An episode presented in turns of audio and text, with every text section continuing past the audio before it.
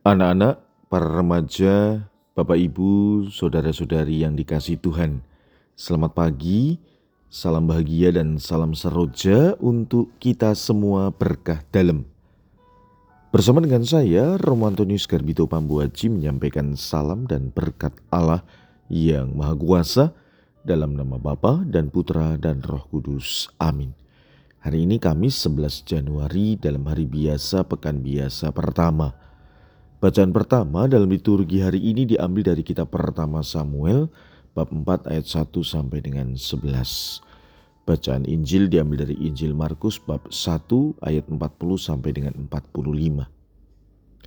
Sekali peristiwa, seorang sakit kusta datang kepada Yesus.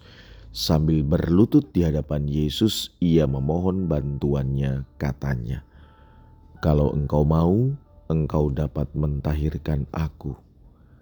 Maka tergeraklah hati Yesus oleh belas kasihan, lalu ia mengulurkan tangannya, menjamah orang itu dan berkata kepadanya, Aku mau, jadilah engkau tahir. Seketika itu juga lenyaplah penyakit kusta orang itu dan ia menjadi tahir.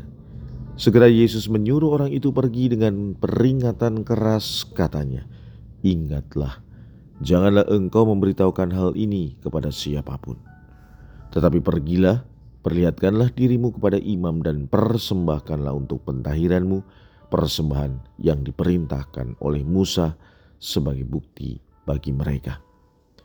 Tetapi orang itu pergi memberitakan peristiwa itu dan menyebarkannya ke mana-mana sehingga Yesus tidak dapat lagi terang-terangan masuk ke dalam kota.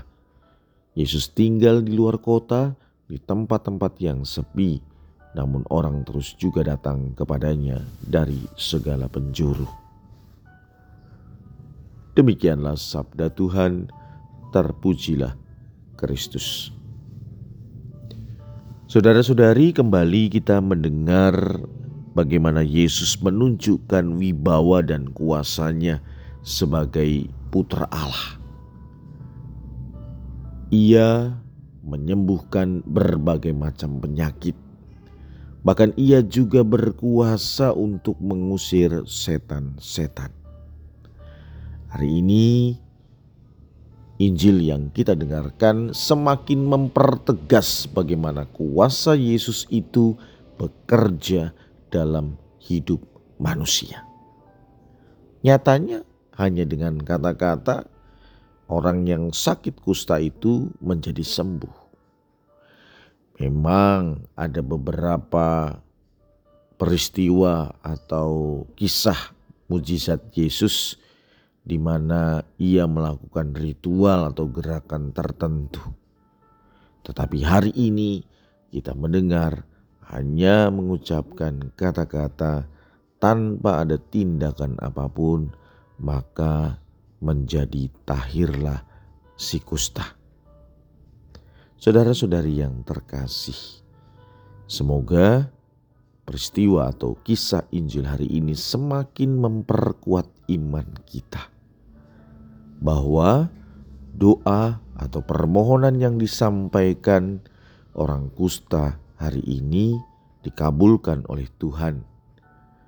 Kita pun juga demikian. Kalau kita memohon dengan tulus, maka Tuhan akan mengabulkan doa kita. Tentu sesuai dengan kehendak Dia. Marilah kita berdoa. Ya Tuhan, semoga sabdamu sungguh menjadi jalan kebenaran dan hidup kami. Berkat Allah yang Maha Kuasa dalam nama Bapa dan Putra dan Roh Kudus. Amin.